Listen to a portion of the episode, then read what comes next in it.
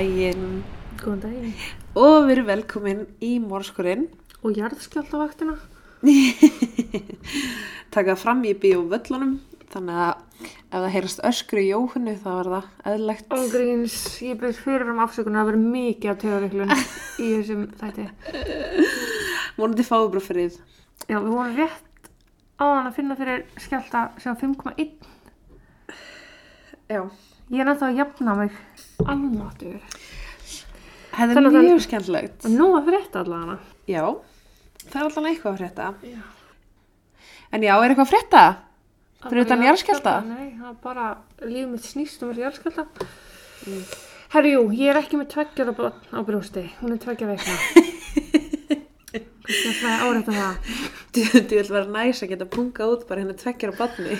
Ó, mér er sko leiðilega að ég sagði tveggja ára dóttir mín á brjósti og þú sagðir, sagðir tveggja ára, nei, tveggja vikna, svo hlustaði þetta aftur og ég sagði alveg tveggja ára barn á brjósti. Og mér fannst þú svo heimska að hafa heyrt tveggja ára. Jésus. Þetta er lítill svefn. Hjólinn eru fljóta snúast. Já. En í dag erum við komið nýjan þátt fyrir ykkur. En ég ætla að segja ykkur frá mál í dag. Herðu, má ég segja eitt? Nei. Við gefum alltaf út tvo þætti á mögdum. Já, Við höfum eiginlega ekki alveg kannski tekið það almennilega fram. nei, en við erum byrjað að gefa út sitt hvoran þáttinn. Já. Uh, en já, ég ætla að segja ykkur frá mannskv... mannkvarfsmáli. Mm -hmm. Mannskvarfsmáli. Mannskvals máli. Þetta er bara skrýtnasta intro sem ég teki. Ég er bara eitthvað hvað góður, ég veit ekki hvað ég er að segja. Ég er bara að klippa helmingina þessu út, sko. Ég er á auðvitaðin út af þessum jarðskjáltum í... Hvernig nennum okkur? uh, en já, ég ætla bara að byrja. Já. Let's go. Loren Spírer uh, var 20 ára mentarskólanemi, fætt og uppalinn í Scarsdale, útkverfum New York. Hún var gáfuð, vel gefin, en sumari áður nú hvarf fór hún sem sjálfbúaliði til Ísrael að planta trjám. Ég veit ekki af hverju samt. Bara eins og maður gerir. Já. Uh, Loren hafði einnig farið í sumabúðir í Tovanda sem er í Pocono-fjallinu í Pennsylvaníu en þar kynntist hún fólki sem var síðar samferðað henni í Indiana University. Mm. Hún kynntist henni kæristanum sínum, Jesse Wolf og Jay Rosenbaum sem að var síðasti aðlinn til að sjá hana á lífi. Í háskólanum var hún að læra fatahönnun og textil. Hún var smágerð en ekki nema 1,49 cm á hæð og 43 kíló, ljóserð með blá augu. Hún deildi íbúð á Smallwood Plaza með Hadar Tamir. Uh, tek það fram, ég veit ekki hvort þetta sé karlkinn eða kvennkinn, en ég segi hún Ok. og við skulum bara halda okkur við það. Og vona það besta. Já. Loren var með hjartagalla sem að er sérst, lenging á QT-bili en það er áhættu þáttur fyrir takttrublanir í hjarta og þá sérstaklega torsate de pittes sem að getur leitt til skyndidauða. Var mín og vísindavefnum. Ég var að lesa á bérritgerð, þannig að takk æðislega þú sem að skrifa um þetta. Þannig þú ert svona vel að þeir í hjartakollum svona. Þessum, Já. já. En þetta gerir sérst leitt til þess að bara einstaklingur fáið flóg eða hjartastopp og bara hjarta er á fullu. Já. Og áfengi og fíknefni fara náttúrulega bara alls ekki vel með þessu sjúkdómi og er alls ekki mælt með því. Uh, en Loren var náttúrulega bara 20 ára og eins og við höfum öll upplifað þá erum við ekki alltaf að fara eftir læknisráði á þessum aldri. En þann annan júni árið 2011 var Loren heima á sér að gerast til en planið var að fara að hitta nokkru vini og skella sér í bæinn. Jesse Wolf, kæristinn hennar, talaði við hana áður en hún var að fara út og vissi hann að hún ætlaði að fara skemmt sér. Hann var heima á sér þetta kvöld að horfa á NBA Final Four, svona körubólta, og fór að sofa um hálf þrjú og meðlegandinn hans getur staðfesta. Mm. Loren var komin í sumafrí frá skólanum og var að býða eftir því að Jesse myndi klára einhvern sumar áfanga sem hann tók en svo hefðu þau planað að fara að ferðast um bandarækinu um leið og hann var í búin í skólanum. En sérst þetta kvöld ákvæðan því bara að vera heima, hann var að fara að læra daginn eftir. En hann bara farð þú og skemmtir, þú veist ég ætla að klára hann að skóla. Snemma dags, 3. júni, daginn eftir hún var út að skemmta sér, reynir Jessie að ná sambandi við hana. Eftir nokkra tilraunir svara loks símin hennar en það er barþjóð á Kilroy, bar á svæðinu, sem að tjáir honum að hún hafi glemt símanu sínum þar. Hann ringir í meðlegandin hennar til að aðtuga með Loren en hún er í vinnunni svo að þau ákveða hittast og lætur hún hann fá líkil af íbúðinni. Hann fer heim til hennar og sér að Loren er hvergi, sjáuleg, og fær strax eitthvað svona ónóta tilfinningu. Bara skrýta hún skilaði sér ekki heim, það er alltaf kæristan hennar og hann er bara eitthvað, hvað er hún? Já, mitt. Hann heyri sérst aftur í meðlegandanum hennar sem að segja honum að hún hef ekki komið heim um kvöldið, bara kom ekki heim um nótina og var ekki komin heim þegar hún fór að vinna og hún gerði bara ráð fyrir að hún hefði farið heim til hans eða gist hjá okkur vinn. Þannig að sérst, á þessum tímubili er hann bara eitthvað, herra, ok, ég er búin að heyra í, að í vinsinum, það veit engin hvað hann er. Þannig að þau ringja saman á laurugluna og láta laurugluna vita að hún sé tínd. Meðlegandinn hennar ringir í sýsturna Loren sem að segir fóruldrum sínum frá þessu en þau vita að það er ekki eitthvað, þetta er ekki eðlilegt, þetta er mjög ólíkt henni og, og það var alltaf bara búið að heyri þeim sem að voru með henni kvöldin áður. Mm. Fóruldrar hennar reyna að ringi Jesse en hann er upp á lauruglustöð að gefa skýslu svo þau ákveða að bóka sér flug og fljúa beint til Indiana. Þau er alltaf bygguð í New York. Já. Á fyrstu dögunum hefur lauruglan ekki mikið til að segja þeim. Það er verið að reyna að púsla öllu saman og lítið hægt að finna út annað en bara vitnaskýslur og eftirleysmyndaðlar. Já. Loren og vinur hennar, David Ron, sem að býri sömu blokku hún, ákveða sérst að fara saman að djamma þetta kvöld.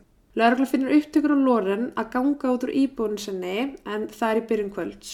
Hún er hafmyggisöm, klætt svörtum leggings í hvítri blúsu með veski. Þetta er í raun eina myndin sem að er búið að gefa út af Loren frá eftirleysmyndalum þetta kvöld. Ok. Fyrstu dagana var leita af henn út um allt, meðal annars í húsasundum, skúmaskotum, götum bæjarins og ruslahögum, Mm. en engin merki um hana voru að finna. Hún og David höfðu farið í partí heim til Jay Rosenbaum, strák sem hún kynntist í sumabónum, Já, já. og hitta þar Corey Rossmann og Mike Beth. Corey og Mike eru, her eru herbyggisfélagar og byggur sérst, í sömu blokk og Jay. Svona 30 fet á milli þeirra. En Lauren hafði nýverið kynst Corey og Mike bara í ykkur viku eða eitthvað. Það var sérst bara vinur Jay sem hún vissi hver var. Já. e, í þessu partíi voru það að drekka. Lauren var mjög full en það er hún smágerð eins og segja það þólinar er bara ekki neitt. David fór heim klukkan halv eitt það kvöld en Lauren langaði að halda áfram að djamma. Svo hún og Corey fara saman á Kilroy sem er bara vinsulegsti barn á háskólasvæðinu. Þau koma þar um halv tvö. Eh, Þar notar hún falsa skilriki til að komast inn og bara þau held áfram að djamma. Corey kefti drikki handinni og vitni sögðu þau bröður að skemmt sér vel. Já.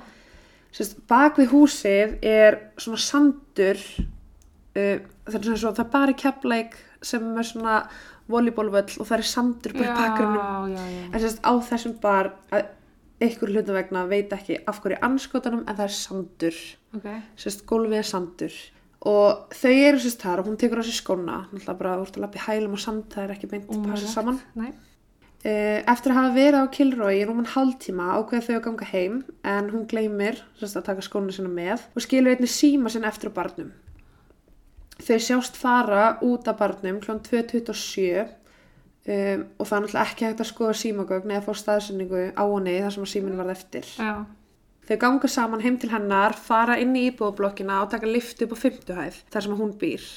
Þegar þeir stíga úr liftunni mæti þeim hópur af strákum en einn af þeim er Zach Oaks, samnemandi hennar og vinur hans Jesse. Hann tók eftir því hversu full hún var svo hún spyr hana hvort það sé allt í læg. Corey í raun bara svona grípur fram í svara fyrir hana og segir bara að það er allt í læg með hana, bara hann er með þetta, bara Ok, okay. verði ekki að skipta þær af. Zach segir hún að hann ætla að taka við á Corey og fylgina sjálfur heim en á þeim tím, tímapunkti myndist eitthvað svona orðarsamskipti og einhver var reyður og endanum kýlir Zach Corey í andlitið. Nú, ok. Lauren og Corey ákveða þá bara að taka liftuna aftur niður og fara eitthvað annað. Ok. Og það veit enginn af hverju hún fór ekki bara inn til sín, hún var fyrir utan hurðina hjá sér, Já. af hverju Corey fór ekki bara og hún heim Já. og veit ekki alveg af hverju þau tvö ákveða að fara saman í burtu. Æ, Þegar maður er samt í gýrnum og eitthvað, hvað- Já, hann, Corey var náttúrulega bara að lappa með henni heim, sko, fylgin heim. Uh, sérst, á myndbarsuptökum sjást þau fara niður liftuna kl. 2.42 ok, bara smá til að taka þetta saman Jesse er kæristinn Jay er vinur þeirra sem að þau kynntust í sumabúðunum. Corey og Mike eru bá, báðir vinir hans Jay og Lauren þekkti Corey og Mike mjög lítið Ok, já, já. svona frétta stöðvar í bænum bara á þeim tíma sem hann hvarf uh, segðu, segðu frá því að það væri sérst til myndbarsuptöka af Lauren eftir þetta þar sem hún dettur tvisvar harkalega á andlitið og það er ljóst að hún mjög full og getur alveg ekki gengið en samkvæmt þeim þá hendir kóriðan á axlutin á sér og gengur með hana heim Ok. sérst, á þessum upptökum. Það var einnig annað myndband af henni þar sem hún lappar í húsasund milli College Avenue og Morton Street klukkan 2.48 en kom þaðan út klukkan 2.51. Hún fer bara inn í eitthvað húsasund, kemur aftur. Bara fyrir að pissa eða eitthvað. Já. Lörglan segir að hún sjáist á þessu svæði spjalla við bara ónafngreinda mannesku en veski hennar og liklar fundust á þessu svæði. Það leita ekkert eins, út eins og hún var í ykkur hættu. Nei. Veist, hún bara labbar hann inn og labbar hann aftur út. Já. Hún er að tala við ykkur mannsku og lauruglan á vídeo af þessu en hefur aldrei ofinberað það. Uh, en þá bara eitthvað, hvað var Kori að gera með hann? Já. Af hverju var hann í þessu húsasundi, af hverju veski hennar og dótið hennar en þá er líka bara eitthvað, getur verið að hún hafi verið að kaupa eitulif eða fíknefni. Nú, ok. En vinur hennar sögðu sérst frá því að hún tók kókain þegar hún djamaði en fjölskyldan alltaf bara þvert tók fyrir það. Einnig var um að hún hafi verið að taka eitthvað inn kvöldi sem hún hvarf. En það sem hún alltaf meina hjartagalla þá getur það leitt til aukins hjartsláttar og endanum bara gefa hjarta sig. Eitthvað sem kóka Ef getur gert eitt og sér, sko. já, getur ímyndaður sinna verið með þetta ofan á. En sérst, fjölskyldin hefur alltaf verið bara eitthvað nei, aldrei fíknefni, aldrei neitt vesen bara fullkomin. Já. sem að fóreldra gera. En Lóri var sérst handikinn annars eftirber áruna áður nýju mánuðum árum hvarf Mm. og var kærð fyrir að vera ölfuð, ölfuð almannafæri en það var hún ekki með aldur Mm. til að drekka þá og í kjölfæri fannst kókain í herbyggin hennar Ah. þannig að það var alveg eitthvað til í þessu Já. að hún væri á fíknefnum og þannig er hún í einhverju, einhverju sundi, húsusundi að hitta einhvern ónafngrindan mann Mhm. og veski hann á líklanir gleymast þar getur verið hún hafa verið að taka peningu veskinu, borgun og bara glimt Já. Og líka lögreglan telur að þetta tengist málunu þannig sé ekkert, vilja samt ekkert ofinbera þetta Nei. En það er sjálfsagt engin ástæða til. Nei. Uh, það var vittni sem kom fram og sagðist það var séð mann henda ljósari stelpu sem að líktist henni svona yfir öxlun á sér Mm. og ganga með hana í burtu á þessu svæði um 3.30. Þess að tímalína passar ekki alveg við það en þá þurft að líða hálftími þar til að það myndi gerast. Hvað voru þau þá að gera þannig í hálftíma? Já, ok. Þannig að svona passa ekki alveg en það er einnig verið að tala um að geti verið að vittni hafi bara rugglað saman tímanum. En sérst það var átti að vera til ykkur upptaka af Kori, hendina á öxluna og labba með hana því hún var svo full og var að detta og datta Já, hana tvisvar. Lörglan hefur aldrei staðfyrst þetta eða sagt að þetta sé bull. Bara þau tjá sig ekkert um þetta. Er að reyna að halda rannsóknu nálegt sér eða, Mhm. já. Það er, þau er búið að byrta eina mynda henni, Mm. myndbarsuptökum og bara eiginlega ekkert annað. En það opið mál. þannig Já. að- já. Uh, á þessum tíma eru Kori og Loren að koma heim til hans, Kori. Mm. Þau sérst fóru úr blokkinu hennar og ætla bara síðan að fara heim til hans. Ok. Búin að fara í hund- húsasundið. En sérst, þegar þau koma þangað þá ælir Kori á tröppunar fyrir utan. Mike, meðlendin hans, tók eftir því, kemur og hjálpa þau saman Kori upp í herbyggi þar sem hann deyr áfengistöða. Mm. En þá líka spyr ég hvernig ef að maðurinn var að deyja áfengistöða og eldi, hvernig gæti hann tekið hana? Ég var að fara að spyrja þessu. Já, þú veist, ef að hún hjálpaði honum í rúmið, Já, af hverju var hann þá að setja hann á öxlun á sér og lappa með hana akkurat. mjög spes. Hann reynir, sérst, Mike reynir að fá Lauren til að slaka á, en hann langar bara að halda fórum að drekka og djama og hann er bara ekki having it. Nei. Nennir ekki verið að passa ykkur að fulla stelpu sem hann þekkir eiginlega neitt. Nei. Hann fer því með hana yfir til Jay sem að býr hana 30 fetum frá, bara í sömu blokk og byður hann um að fylgjast með henni. Jay tekur á móti þeim og sér að hún er ekki skóm, hún er ekki með veski, niður síma og er marin í andlitinu en marið er náttúrulega útskýrulegt eftir hún datt Já. hana tvisvar á steipuna. Lóna vill halda áfram að jamma með Jay en hann heldur ekki og bara nennir ekki og reynir að samfæra hana um að gista en henni langar sérst, að fara bara heim. Að þessu tímapunkti áttur hún sá því að hún er ekki með síma sinn Þannig að hún fær símana stilánaðan til að ringi tvö símtöl. Þannig að klukkan 4.15 ringir hún í David, strákun sem hún byrjaði kvöldi með, en hann svarar ekki og svo ringir hún annað símtal í einhvern vin sem hann svarar ekki heldur. 15 mínútur síðar klukkan 4.30 segir hún Jay að henni langi að fara heim svo hann gengur á stað. Jay fylgist með henni í gennum gluggan, sér hann að labba í áttina heimilinu sinu en hún kemst þó aldrei heim. Alltaf þetta dun dun dun. Eh, Þetta er sérst háskólabær, það er allt í göngfæri svo það er ekkert óvunlegt að henni langi að ganga heim. Nei, það er ekkert leigubílar eða er- Uber eða neitt svo leis. En alltaf mjög skrítið, hún er skólaus, hún er ekki með síma eða veski, hún er ekki með likla, Nei. ekki með jakka og hún er bara eitthvað að fara að ganga heim. Þarna er bara tímalínan af kvöldinum búin. Þú veist, það er bara, Þú er ekkert meira þetta en ferri hennar eða... nei, hún, veist, hún var með David, fór í partí til þeirra strákana, hún og Corey fóru tvö á barinn, þau fara heim til hennar, hann er lamin, Já. Þau koma aftur heim til Corey, Mike nennir henni ekki, hún fyrir Jay og svo segir Jay bæðan að hún fyrir heim. Já. Þetta er bara tímalínan á kvöldinu og það er ekkert meira að segja um það.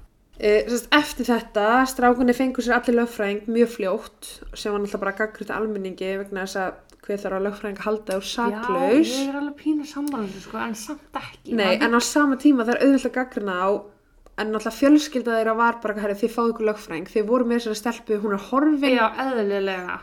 og það var ekkert verið að treysta lögreglunni á þessum tíma Já.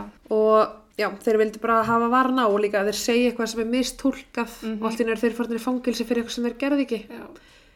Jay gaf vittnisspur til lögreglu, tók legapróf og var mjög hjálpsamur en sömu sögu þó ekki segja um Kori. En maður hefði haldið að hann myndi frekar vera sér hjálpsami Já. af því að hann alltaf var ekki síðasti til að sjá hana uh, og hann var sofandi en hann vildi hvorki fara að legapróf nýja tala lögreglu. Fekk Það- sér bara lögfræng og segir ekki neitt. Ég er, sko, með legaprófið, ég skil alla sem vil ekki taka það, sko. Já, Já. en þetta það, hann vill ekki tala við lögreglu, lögfrængi segir bara nei. Lögfræðingurinn segir bara nei. Já, það er náttúrulega kannski aðeins uh, Já, um, fóreldrar hennar halda að henni hafi verið byrlað á Kilroy staðnum mm, og sá sem var með henni þar var Corey. mm, Uh, hvers vegna var hann að fara með henni heim þegar hún var Mhm. kærasta. Það hefði verið nógu fylgin að liftinni og svona skilja leiðir. mm Uh, þannig fjölskyldinni fannst mjög óþægild að vita til þess að Corey vilja ekki hjálpa þeim að finna hver dóttir er. En á endanum að fengi DNA úr Corey sem var varlega bara svona gert til að þakka neyri fólki, bara hefði verið komið DNA hans. Já. Þú ert ekki með líkið henni inn neitt, það er að Nei. við hvað ætlar að bera þetta sama Einmitt. við. En þetta þakkaði neyri fólki allan í einhver tíma og þá bara ok, hann gaf DNA, hann er Hann þýðir, já. Já. Um, Jay sagði meðal annars í einni skýrslu lauruglunar að hann hafi ekki verið svo síðasti til að sjá hann lífi en það er eina sem hann getur sagt og hún þykja leitt og bara ekkert um það meir. Ok, það er dick move. Þú veist, hann má, þú veist eitthvað, þá drullar þið út þér. já, en hann má sem sagt, þú mátt segja nei við öllu sem að lauruglan spyrði, sem Já. sagt, ljótt komið lögfræng þannig að hann þarf ekki að segja neitt en hann bara, þú veist, ég var ekki síðasti maður með henni eina sem ég get sagt ykkur, sorry en alltaf Kori hefur ekki verið hjálpsamur en hann vil líka meina að hann hafi fengið vægan heilhristing við höggi frá sakk og mist minnið Æ. þetta kvöldið en hann var líka mjög ölvaður og dó áfengistöði heima á sér en það var nokkur áru síðar sem að Kori var að segja við fólk að lögfræðingurinn hans hafi búið þetta til með minnisleysið og það bara það hafa aldrei gerst. Mögulega kannski að því hann veit meira sem hann vill ekki segja. Já. Nokkrum árum eftir hvarfinar var gefin út mynd af bara hvítum trukk úr eftirleysmyndalum og lauruglan óskaði eftir að fá að ná tali af þessum aukumanni, bifræðarinnar. Það var talið að aukumæðurinn gæti hafa mættinni, séð hversu full hún var og tekið hann upp í bílu sinn eða verið bara vitni að einhverju sem hefði gerst en náttúrulega bara það hefur ekkert fundist um hana. Uh, og náttúrulega ef hún lést á leiðinni sögum hjartagallans þá væri búið að finna lík. Já, ég hefði haldið það. fundið, þá væri hún staðar. Já. ef hún hefði látist af náttúrulegum ástæðum þá væri hún einhver staðar. Hún væri ekki bara horfin þannig að það er augljóslega einhver sem að dáið með vinunum. Ég er að segja það. Hafi, já, já, margir hringdu inn og meðal annars sest, eftir að trykkunum var settur út það voru margir sem hringdu í laurugluna og meðal annars var minnst á James McLeese sem átti eins bíl en hann fór í lígapróf og stóðst bless já. ég skil ekki þetta lígapróf dæmi sko. Ég er bara að þetta sé svona algengt þarna. já, Ég skilði það betur 1985 en þetta er 2011 sko. nákvæmlega. Uh, einna var hringt út af manni að nafni Justin Vakers en hann hefði verið ákjörð fyrir nekt og almannafæri. Hann bjó með fóldur sinum í Martinsville um 20 mílur frá Bloomington sem hún bjó í. Já. 21. janúar ár 2016 fór lauruglan og bara FBI heim til hans. Það var tekin bara leitaði öllu húsinu meðan annars tekin mold fyrir utan hjá honum bara Já. til aðtöga hvort það væri eitthvað og bílinn hans var tekin í skoðun um, og bara lauruglan vildi ekki segja til um hvaða sönn, sönnunagögn fundust á svæðinu ef þau voru einhver. Já. Þið fá bara þetta, já. En lauruglan var sérst mikið að fá vísbendingar og það var einn sem var stóð sérstaklega upp úr. Það var kona sem var hringdi lauruglu og sagði að fyrrandi kæristan hennar hafi nýverið verið sleftu fangilsi þegar hún týndist og hann hótaði henni og sagði að ef hún eru til vandræða myndi hann gera nákvæmlega sama við hana og hann gerði við Loren Spýrir. Ó, shit, ok. En hann bjóðsist í tíminna fjarlæð og átti hvítan trukk Já.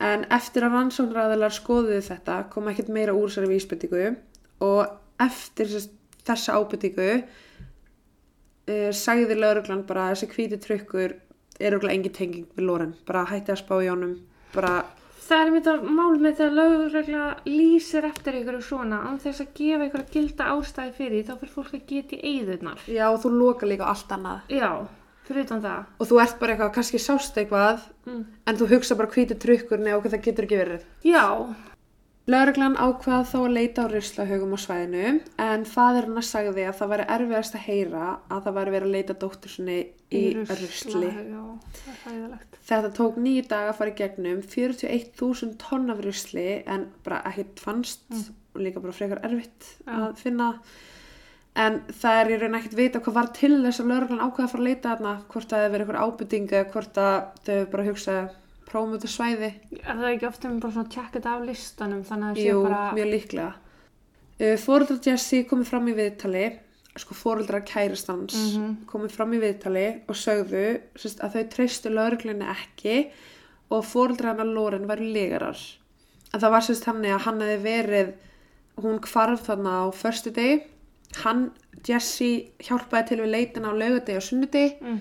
Og á sunnudegin komið fóreldrar hans fljúandi, náðu Jesse og fóru með hann heim. Þannig að hann leitaði af henni tvo daga og var bara bless. Já, ok. Og það var svolítið mikið gaggrínt, þú veist bara eitthvað kæristæðinni tind, akkur er þú ekki út að leita, en við höfum líka tekið þetta fyrir í málum, oft er Já. þannig að þú veist nánasti að komandi vill kannski ekki Það er koma bara að að passa upp á sitt fólk. Ég hugsa að allir meini vel í Já. svona aðstæðum allavega. og þannig eru líka fóreldur hans að koma og taka Já, hann út úr aðstæðum. Hann er ekki að fara sjálf viljur. Nei, uh, en sérst, þau sögðu í þessu viðtali, bara ofinbært viðtal, að ástæðan fyrir hún væri tind væri út af fíknefnaneslun hennar Já. og sögðu meðal hans frá því að hún hefði næstu verið rekin úr sumabúðunum sem hún voru í tóvanda Já. út af því. Ok. En þau voru sérst bara mjög þreytt á því að fólk var ásökað Jesse um að hafa eitthvað með þetta að gera en það var hann bara heima á sér, var með fjárvistasönnun, elska hann mjög heitt, þau eru búin að saman sín mennskóla og Það er bara náttúrulega gangur mála að kíkja á makan. alltaf Já. og já, veist, það var hann sem að ringdi og tilkynna til lögreglunar, þú veist, hann fór heim til hana að leita henni en sérst, árið 2012 þá sagði fjölskyldan hennar frá því að þau væri bara búin að útiloka hana að hún væri á lífi Já. úrskurða þannig að láta hana Já. Þau eru sérst einhverspæra sem var eiginlega bara sömu skoðun og fjölskyldan og einhverspærin fekk þá kenningu um að eitthvað er gerst á meðan hún var heimi á strákunum. Mm En sérst kenningin hans var þó ekki að strákunir hafi drepið hana, heldur frekar eitthvað var gerst, eins og slís, hjartastopp eða hún hefði tekið á mikið magna fíknefnum Mhm. sem að leiti til dauða og strákunir hafi losað sig við líkið af henni því þeir voru hrættir. Bara mjög mörg svo leiðismál til. Já, önnur kenning var um sérst Corey Ham Hammersley sem er annar Mm. Corey Já. en hann var fangið í Indiana State Prison hann var nemi í Indiana University ásamt þeim og bara var bara í mikilri neyslu ári eftir hún hvarf var hann friðinn og fekk bara svona skyndibrálaði hann stegi út heima á sér einungis með hatt á höfðinu og skaut 32 skotum í átta nágrannahúsum, bílum og sum skotin fóru í húsið hans og lögregluna þegar hann mætti á svæði. En sérst, í fangelsinu var annar maður sem sá myndir af lórinu sjónvarpinu Já. og þeir sátu, sátu sér saman í svona herbyggi sem eru bara svona stólar og sjónvarp og allir að horfa saman eða Já, ekki já. eins og er í fangelsum Mm. og sérst, þeir sátu hana saman, það kemur þessi frétt um Loren og hann, Corey Hammersley, segir and I quote uh, Man, I knew the guys that did that og sérst, þessum fanga, vittninu, átti hann að hafa sagt They were drinking heavily and doing ecstasy and she OD'd. It scared them, they didn't know what to do with her and they took her down to the Ohio River and got rid of her. Þetta meika mesta sensin í mér. Og en þess að þegar hann var spurður út í þá neyta hann bara að hafa sagt þetta og vita eitthvað um Loren. En þetta er svona nálegasta kenningin sem að fólk heldur Mm að eitthvað hafi gerst á svæðinu og þeir á losi við hana þeir voru hrættir. Já, þið vilja gera bendlaði við þetta heldur auðvitað. Já, þú veist, fóreldrar hennar haldi þessu líka fram, Já, það. fóreldrar hennar. Ok. Þau- Þannig að þau við ekki fíknum nesluna. Nei, þau vilja meina að henni hafi verið byrlað á Kilroy. Já, og hafa Og dáið í... hljóti umsjá hjarta þeirra. Já, já, já, gallanum. já, já, ok. Þannig að þau viðkynna ekki fíknefni neysluna en þau viðkynna eitthvað hafi gerst hana. En og fóreldrarna vilja líka bara meina að, að lauruglan sé að leina þeim upplýsingum út af þessu. Fjölskyldan er ekkert búin að fá að vita neitt Nei. af því að þeir vilja á endanum, þá vilja þeir konfronta mannesku um eitthvað hlut sem að hún veit ein sem morðingin, sem að lauruglan veit bara. Já, og það er það besta sem hún hefur í hönd og já, núna kem ég aftur inn á lagafrumvarp sem að áslegar dæmi í bíkjar við lýrum svo ég hef ekkert annað að gera en Er að skoða hvað áslegarnar er gera en það er sérst ef að einhver þarf aðstofa að halda í partíi þar sem eru fíknum til staðar Mhm. uh, er það svo að lauruglan og sjúkurlegar eiga að líta fram hjá því sem að gera það verkum að fólk er mun líklega til þess að kalla eftir aðstof og það getur, það getur bjargað svo mörgum mannslífum bara þóra að ringja eftir aðstof Já. og þetta er með, veist, þetta er frumvarp sem að áslögur að taka upp hér á Íslandi sem er geggjað Mhm. bara það að lauruglan komi inn hún er ekki að dæma fólki sem er þarna, hún er ekki að fara að kæra það fyrir fíknefnum á borðinu, Já. hún kemur einungins inn, hjálpar manneskinu sem er neyð og tekur hann í burtu, Já. búið bara eins og með þetta mál bara eitthvað, ef að kenningin sem að engaspæðurinn og fóröldarna halda Mhm. að eitthvað hafi gerst, þeir drápa hann ekki eitthvað gerðist strákunar hafi það ekki þórið að ringja en þess vegna er þetta frumvarp geggjað Já. fyrir okkur á Íslandi og þetta mál gerist í mikilvægt. 2011 þannig að, yey, ok en já, sérst fóreldrarnar gerðu engamálakröfu á hendur Jay, Corey og Mike Mhm. og vildi meina að þeir hafi gefið henni áfengi eftir að hún var alltaf full og hjálpuðu henni ekki að koma sér heim en í rauninni kallast þetta duty to care og er mjög algengt í bandaríkjunum þar sem þú getur borið ábyrð vegna aðtamna leysis Já, en það er sama hérna líka á Íslandi. Já, en það er ekki að strangt og núti Nei. Það er bara ef að fólk er lífsætu og þú sinni ekki skilur Já. þá, já. um, En aðgerra leysi út af einhverju svona, mér finnst svo þetta er mann orð skemmandi að fá svona Já. kæra á sig sko. nema það að sko árið 2013 var kærun að hendur Mike feld niður þar sem að dómarinn kost bara þeirra niðurstöðu að hann hafði ekkert með þetta að gera hann bara enga ábyrgð á henni, hún kom heim til hans með öðrum sem að sopnaði og þar lendi fellur ábyrgðin ekki vera hann Nei. að fylgjast með henni þannig að hún var feld út. Og sérst, dómarinn tók sér ári viðbót til að komast að niðurstöðu með Jay og Corey og bara sagði það sama. Þú veist það er ekki þetta staðfesta að þeir hafi gert eitthvað rámt Corey var farin að sofa. Já, það var ómikið vafi til og að Jay, þú veist, hvað átt hann að fara að frelsi sviftana og haldinni heima á sér? Hvað átt hann að gera, átt hann að ringi lögguna sem að hefði aldrei svarað þessu símtali? Þarna það náttúrulega ábyrðin líka aðeins að færa stigur og lorin að taka ábyrðin sinni eigin gjörðum. Já, hvað svo sem gekk á og undan. þú veist, já, og það er raun ekkert sem að hann hefði geta gert. Jú, hann hefði kannski geta lappa með henni heim en ég meina, Mér finnst ekki þetta neglan fyrir eitthvað svoleið. nei og það er bara sama dómarinn sagði, þú veist, það er bara get ekki fara að kæra þessi stráka fyrir aðtamleysi af því þeir þeir, þetta er ekki, húsið þitt var ekki brennandi og þú vissir að okkur um inni Já, og náður ekki í hann eða hringdir í lögguna bara það var ekki málið. Nei, og auðvitað vissir þú aldrei að þetta myndi koma upp á og hún myndi bara Nei. hverfa. Nei. En já, sérst, nú ætla ég bara að fara í gegnum eitthvað svona nokkra kenningar. Í rauninni var þetta bara tímalínan sem að tók mig tvær myndir að segja frá. Mm. og þú veist, í rauninni bara máli búið þar, sko. Þannig að nú ætla ég bara að fara í gegnum eitthvað svona kenningar. En sérst, fjórum árum eftir að Loren hvarf uh, hafði bara ekkert spurst til hennar ný sest til hennar. Mm. Bara, það var ekkert að frétta. Hún bara hvarf sporlaust. Myndir henni voru hangandi á bara öllum fyrirtækjum í bænum og það var bara enginn búin að gleyma þessari ljúgu stelpur sem að hvarf. Mm Auðvitað ekki. En sérst sama ár, þessu fjórum árum, 24. apríl 2015, fannst blóðut lík af... Og Ég, ég get tengja sko. Nei, ég var betur að þú myndi segja henni. Nei, já, Ó. henni. ég var bara að hóla svipin á hérli. Nei. Það fannst sérst blóðut lík af Hannah Wilson sem var nemi í Indiana University, eins og hún. Mm. Hún var 22 ára og hafði barist við árusamannin sinn sem að landa hana bara í stöppu Mm. og hún, hún var óþekkjanleg þegar hún fannst. E, sérst, í þessum átökum hún bara streytist á móti, bara gera sitt besta og í átökunum misti morðikinn síma sinn þegar hann var að forða sér. Í fyrstu var talið að þetta væri síminn hennar hönnu en setna kom í ljós að þetta var síminn hjá honum 49 ára gamla Daniel Messel sem að vann í svona prentsmiði á sveðinu. Hann var með sakaskrá og hafði einnig setið inni fyrir að lemja ömmu sína með bárjáðni. Því líkur aumingi maður. Já, Ömmur eru heilagar. ég bara, mér finnst það ógeslegt sko. Um, hann var, sérst, lögregla mætti til hans, bara fann út að þetta var síminn hans, bara á réttum tíma því að hann búin að pakka niður í SUV bílinn sinn, ætlaði sig bara að stinga fara ekkert annað.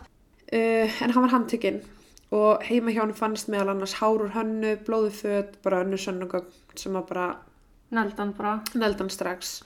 Daniel hafði verið á Yogi's bar sem er nokkru metru frá Kilroy sportbar en Hanna var þar að djamma kvöldi sem hún lést. Mm. Og það er talað um að þessi tvö mál gætu tengst, kemst upp með eitt morð, það auðvitað gerur annað. Já. Uh, en þeir voru sérst báður nefndir í Indiana University, tvítusaldri, tvítu og 22, Já. báður að drekka á sama bar og það voru sérst átta blokkaraðir sem er lítið Mm. á milli þess hvar Loren sá síðast og hvar líki hennar hennu fannst. Ok. Þetta er bara, bara pínlítið svæði, þetta er bara eins og hún myndi finnast hérna á völlunum bara rétt hjá. Mm. David Hayden var maður sem að hefði einu sinni verið fangilsi með David þegar hann var að afplána sérst fyrir annað. Já. En hann sendi bréf til laurlunar og sagði frá því að hann hafi hjálpað honum að fela líka Loren en hún var klætt í svarta leggings, hvíta skirtu, var í engu brjóstaldra og með nokkra ringi á fingrunum sem er bara nákvæmlega sama lýsingin Mhm. og, og hver veit hún var ekki brjóstaldra Já. en sérst, Daniel hefur alltaf neitað þessu og þar lendi er ekkert hægt að gera það þú ert ekki búin að finna neitt uh, Það er ekki með haldbart í höndunum til að geta gert neitt í þessu. Nei, og það er fullt af eitthvað svona sem er bara eitthvað neldan, neldan, það, bara, það er ekki hægt. Nei. Þessi maður er líka bara koma yfirborið fjórum árum síðar, mjög auðvitað sig við sannugögn á fjórum árum. Já. En hann fekk sérst 80 ár fyrir að myrða hönnu og mun sitja þar inni þegar hann deyr. Þannig að ef hann gerði eitthvað við Loren, þá er hann, situr hann inni sem er þá kom við af Crystal Grubb. Grubb. Já, Crystal Grubb. Mm. en ég googlaði þrísvar Kristal Gubb ég bara, ég sá ekki errið þegar ég var að gera þetta sko. en Kristal Gubb var 29 ára kona í Bloomington sem að hvarf 18. september 2010 Ok. sérst árinu áður en að Loren hvarf Já. Hún sá síðast með kæristunum sínum Adrian Henley og tveimur öðrum mönnum áður en að þau skildu leiðir út af rifrildi og fór hún inn í skó nála Griffey Lake bara á svæðinu hún fannst myrt 1. oktober 2010 í ykkur svona mæs, agri, nálagt sjáursrót Já. bara hún fannst myrt á svæðinu og það mál er sérst ennþá óleist Bara en þá. eða veist bara dæn Já, þetta er bara óleist já, ok. málmál en sögursagnir hafi verið að hún hafi einnig verið háð fíknefnum og varandi hana þá er talað um Missing White Woman Syndrome Já. þar sem að fréttamil að segja mestu frá ungum hvítum konum sem að hverfa Mhm. og sérst, það var talað um það eftir að Loren hvarf þá bara fjall málina Kristal svolítið ólinni skuffu ekkert fjalla um það, það var ein fréttagrein um Kristal sem að kom út Já. þegar hún hvarf og þetta eru á sama svæði og það eru myndal, myndir af Loren bara í öllum fyrirtækjum Já. engin mynda henni og fólk veit bara ekki hver þetta er Nei. en sérst fóreldrar hann Kristal hafa þá aldrei áfælst neitt og þau eru ekki fúl út af þessu og þeim finnst bara hræðilegt hvað gerist fyrir Loren og vona alltaf bara einn daginn að hún finnist eins og dóttir þeirra fannst Mhm. þrátt verið að sé óleist Já.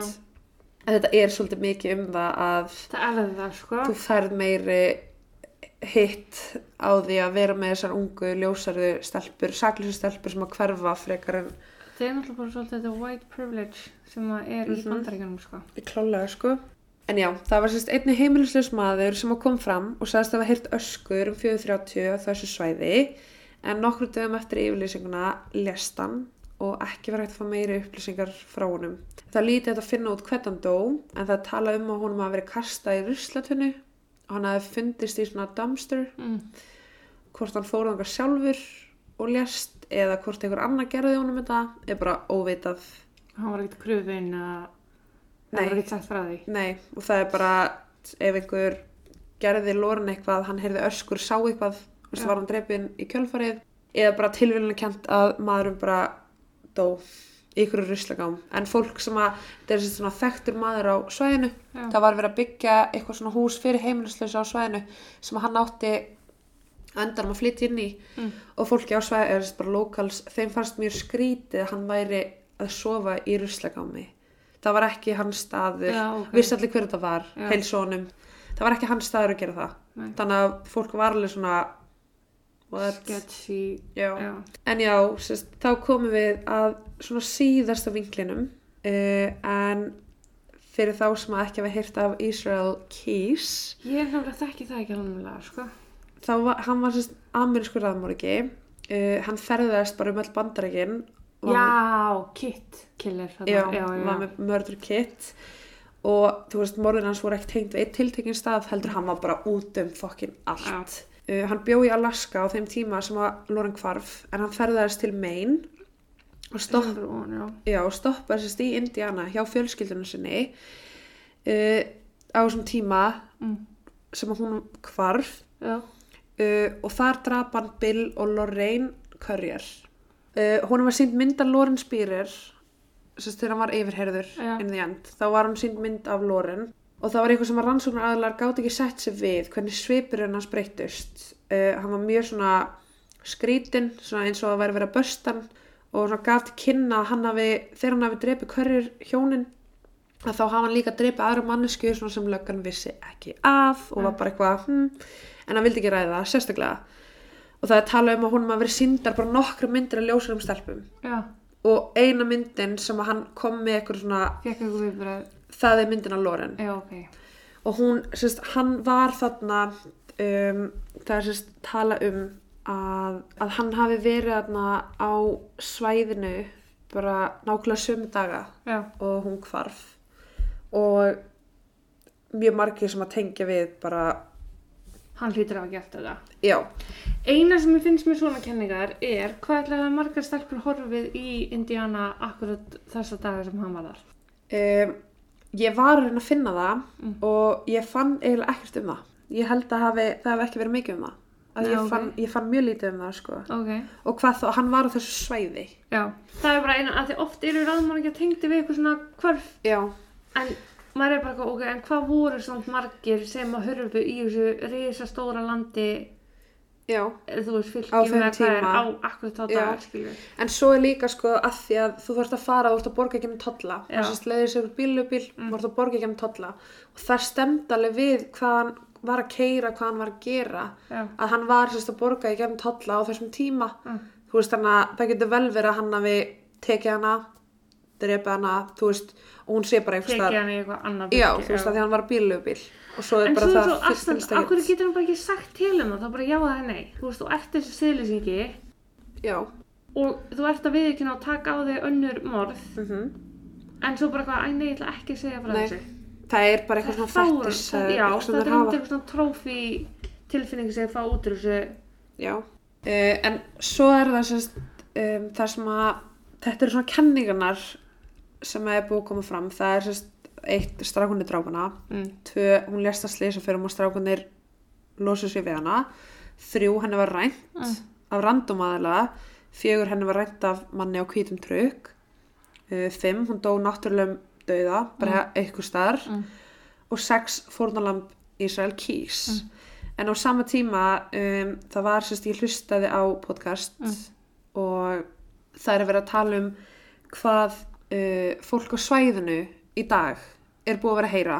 Já. þú heyrir náttúrulega bara sögursagnir þú heyrir miklu meira þegar þú ert akkurat á svæðinu heldur en fyrir okkur á Íslandi það er ekkert beint verið að skrifa um þessar sögursagnir þú, það hefur ekkert stóð en það, eða, veist, en það sem að fólk er búið að vera að tala um á svæðinu er sagt að það hafi verið eitthvað slýsett á kvöld með hverjum hún var, hvar, hvenar hvað gerðist, bara veit enginn. Ok. en það var slís og sérst í paniki sá sem að hún var með ákveða að losa sig við hana og setti líki hennar uh, á svona byggingasvæði þar sem mm. var nýbygging. Já, uh, þetta er eitthvað bygging sem heitir Station 11 og er í hérna Bloomingdale. Já, og það er, sérst, það er sagt að það hafi verið byggt 2011 já.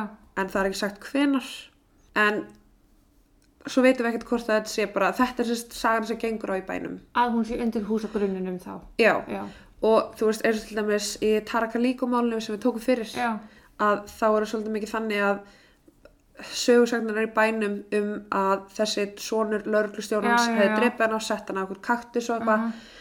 þú veist, það er saga sem hún að ganga á bara Á milli manna já. það vitit allir en það gerir engin neitt og það Nákvæmlega. segir engin neitt Nei. og það er svipað eins og þetta þú veist, þetta er eitthvað sem allir er að segja bara eitthvað, það var slýst, þetta gerist hún er ekki starf þarna en það er ekki sem segir neitt Nei. Þú veist, þetta er bara eitthvað svona ákveðið syndróma sem fólk er bara eitthvað ég ætla ekki að segja þetta. Nei, ég ætla Ég- ekki að segja þetta og einhvern veginn bara, þú veist, lögregla hlýtur að vita þetta, þú veist, æ, kannski er þetta ekki satt, ég ætla ekki að fara að segja eitthvað sem er lígi. Já, Svo er, sérst, það var tala um, um að, sérst, að því það er náttúrulega bara eins og er haldið fram að þetta hafi verið slis. Mm. Bara, en það er náttúrulega ekki slis að koma líki fyrir eitthvað staðar. Nei, er þar kemur bara- ásetningurinn. þar kemur ásetningurinn og það er við tala um sérst, hérna Rachel's Law ekki Rachel's Law sem að þú fjallar um í einum þætti Já, heldur önnur Rachel's Law en þar var sérst, stelpa sem að var í University of Indiana Mm. sama hún sem að var í partíi á þessu svæði fjall niður stiga fekk heilarhristing en það vissi það enginn. Mm. og þau voru bara að djamma, hafa gaman hún eitthvað svona hei krakkar, þetta er bara úksla fyndið hérna, heldur bara hann að djamma. Já, allir bara hlæja eitthvað, engin gerði neitt þannig séð. Svo fóruðu bara allir að sofa og hún sérst vaknaði aldrei og dó. Já, hefur það bara fengið heilblæðingu eða eitthvað. já, og þessi, þetta Rachel's Law eða sérst, nú er búið að búið til eitthvað svona Rachel's First Week sem að er bara svona svæði fyrir und fólk til að læra að taka góða ákvörðunatöku og eitthvað. Já, og það er tala um, þú veist, að e, þarna er verið að kenna fólki að passa upp á hvort annað Já. og ringja frekar eftir aðstóð ef þú ert ekki viss. Mhm, en þú veist eins og ég var alveg dottinu stig á tjamminu skilur og við erum öll bara eitthvað við hlægjum að Já. þessu svo fyrir að fáum okkur skot og svo erum komin heim en maður myndi En veist, maður er vilja kannski- leksíuna ef eitthvað skildi koma fyrir, sko. Nei, en á saman tíma dettur mann ekki hug að fara eitthvað að ringi laurugluna og vera eitthvað, veist, maður er bara eitthvað ætir úksla fyndið, skilur en þetta er gerst fyrir þessi stelpu, hún datt niður stiga og það var allir bara eitthvað, já, fínt þú veist, úksla fyndið hún fór bara að djamma og dansa, Mhm. ekkert að og svo bara vaknar hún ekki aftur Ég, ég, þú veist, ég hef einmitt að rótast á djamminu einu sinni. Og það var bara er um leiði vaknaði, Ég er að segja það. Já, þú veist, þetta er svo, maður er ekki byrnt eitthvað með þá ákvörðunatöku að ákveða að heyra í lauruglunni eða þá, þú veist, maður vill helst ekki maður vill ekki vera með vesen. maður vill ekki vera með vesinni Bæði svo sem landir í þessu og eins þeir sem eru í kring. Mhm. Þú veist, og það er auðvitað þessi Rachel hefur auðvitað síst vilja láta hringja. Já, og stundum er líka bara, sérstaklega, Mm. mér erst ógisla vandraldi að fólk hlægir ekki með mér, sko. Veist, og ef það er eitthvað svona alvarleik í málinu og fólk er bara eitthvað, er alltaf góðu, þú veist, ef að hjálpa þér, lalala, þá er ég bara þá eitthvað, líður mér bara óþægilega. mér líður ógist Eins og maður sem er vesen. Já, en ég elskar að fólk hlægir og ég er bara eitthvað að ligga á gólfinu, grænendur hlátri og er allir að hlægja með mér. Já. Þú veist, og þannig er bara einhvern svona viðbröðin sem að er bara búin normalæsera Mhm. í samfélaginu en þú veist á sama tíma þá þarf maður samt líka alveg svona að hugsa bara eitthvað, ok, er í lægi með mannskina á ég að aðtöða Mhm. veist, og ekki alltaf vera með þetta syndróm að það er alltaf einhver annar sem tjekkar það er alltaf einhver annar sem ringir löguna það er alltaf einhver annar sem gerir þetta, veist, gerðu þetta bara sjálfur Já. farðu að tjekka á mannskinni Hringdu þá einum og verðt þú númið 2 eða 3 fyrir að gera það ekki. Já, nákvæmlega. Þú veist, ef þú færði eitthvað svona, já, það er búið að ringja, geggjað. Þá veistu að því að einhver annar er að gera nákvæmlega sem þú. Nákvæmlega. En, já, Með allt, ekki bara svona, bara bílslis og Mm, bara veist, allt saman, sko. skrítið lýs ekki keira fram hjá bílslissi ég bara, ég veit alveg að fólk er ekki beint stend í það að fara að taka móti fólki sem er slasað það er í lögum þér En ber skilda að stoppa já, en ekki keira framhjá af því að manneskjan gæti mögulega verið bara meitt Mhm. og þurft kannski á að halda stuðningi þú veist, öll bílslis er ekki þannig að þú ert að koma á flæðlöfslýsi jú, það gerist Já.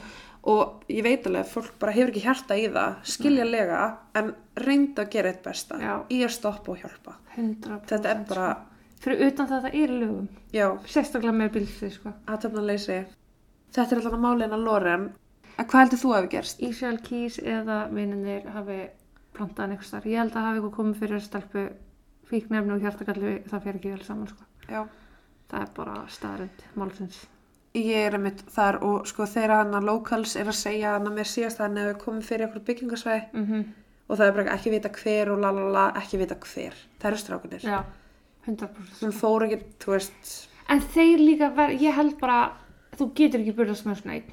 Þessi strákar hafa talað við einhvern, einhvern tímann áður, það veit einhver einhvað. já, jú það getur vel verið að það hafi verið Ísrael kís og við myndum aldrei komast að því ef svo er Nei. en á saman tíma, akkur er lögreglan ef hún er búin að heyra þessar sögursagnir þetta fer ekkert bara krakka á milli þetta fer mann á milli, mann á milli, sko. af hverju er hún ekki búin að fara og grafa upp Það svæðið nefnir þetta líka einhver við, þennan húsagrunn og aðtöga, þú veist, það er, er samt öruglega meira en að segja. Það mér ekki óvart ef það er þá bara að láti kjört liggja, já, það er rétt veist, en að skoða það þó.